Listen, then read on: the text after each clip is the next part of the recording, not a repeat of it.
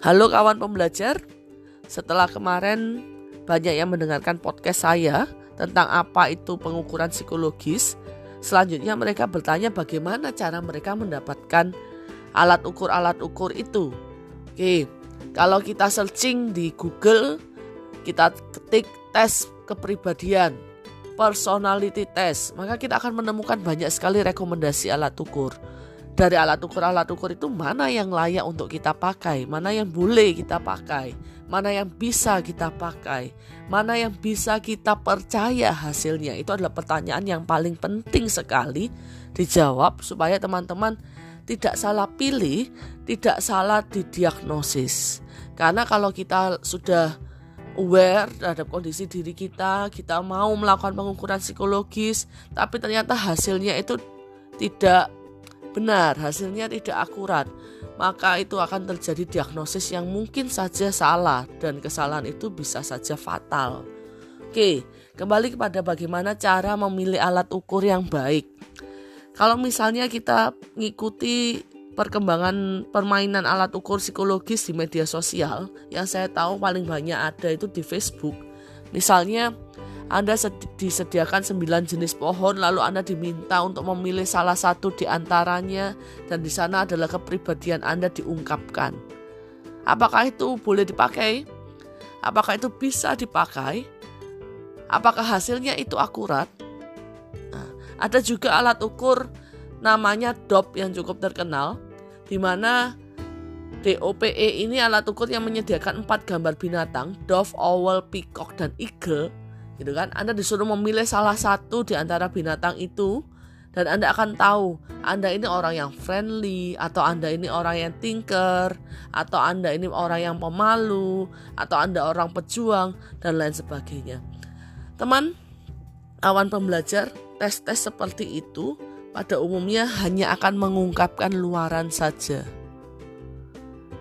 Dan yang disampaikan biasanya hanya sisi positif tidak ada yang salah dari tes itu. Kita perlu mengenal diri kita dan sometimes kalau kita mencoba, kita melihat hasilnya kita akan mengatakan, "Ya, itu aku."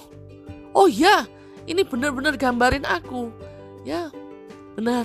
Tidak ada yang salah dari tes seperti itu.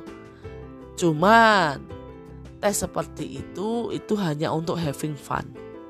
Kita tidak bisa mempercayai 100% kondisi yang digambarkan oleh tes itu. Kenapa? Karena tes-tes tersebut belum diuji validitas dan reliabilitasnya.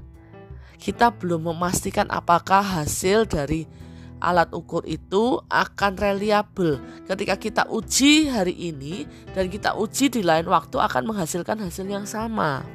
Kalau Anda hari ini ditanya empat jenis binatang itu, Anda pilih owl, Lalu tahun depan saya tanya lagi apakah Anda tetap pilih owl? Kita belum tahu. Nah, itulah kita tidak jelas reliabilitasnya. Lalu kita tidak jelas bagaimana owl itu bisa digambarkan sebagai orang yang pemikir. Itu biasanya erat kaitannya dengan karakteristik hewannya. Kenapa dove merpati kita ibaratkan dengan seorang yang pemalu? Nah, itu erat kaitannya dengan binatang-binatang tersebut. Lalu bagaimana dengan pohon? Bagaimana dengan memilih pintu? Bagaimana dengan memilih jenis kopi bisa menggambarkan kepribadian kita? Itu semua mereka mensurvei dari banyaknya orang yang memilih minum kopi seperti itu, kepribadian apa di balik seorang individu yang meminum kopi itu. Misal, peminum kopi americano. Mereka mensurvei ratusan orang peminum americano dengan alat ukur kepribadian yang sudah valid dan reliable.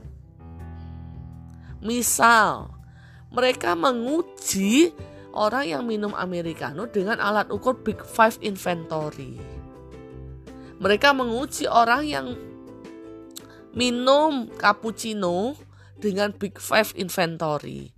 Mereka menguji ratusan orang yang minum latte atau minum frappuccino gitu kan dengan alat ukur Big Five Inventory. Nah, pada dasarnya maka yang penting untuk digunakan adalah Big Five Inventory-nya. Sedangkan memilih kopi itu adalah generalisasinya atau modernis modernisasi dari tes kepribadian. Maka so kawan pembelajar, saran saya nih ya lebih baik kalian cari langsung Big Five Inventory itu daripada Anda mencoba-coba memilih kopi. Nanti kalau saya sediakan tes kepribadian berupa kopi, memilih 9 kopi, teman-teman bilang, aku tidak minum kopi, jadi aku tidak bisa pilih, gitu kan? Aku tidak tahu bagaimana rasanya latte dan cappuccino, saya tidak bisa membedakan itu, sehingga saya tidak bisa pilih. Wah, itu akan menjadi repot sekali.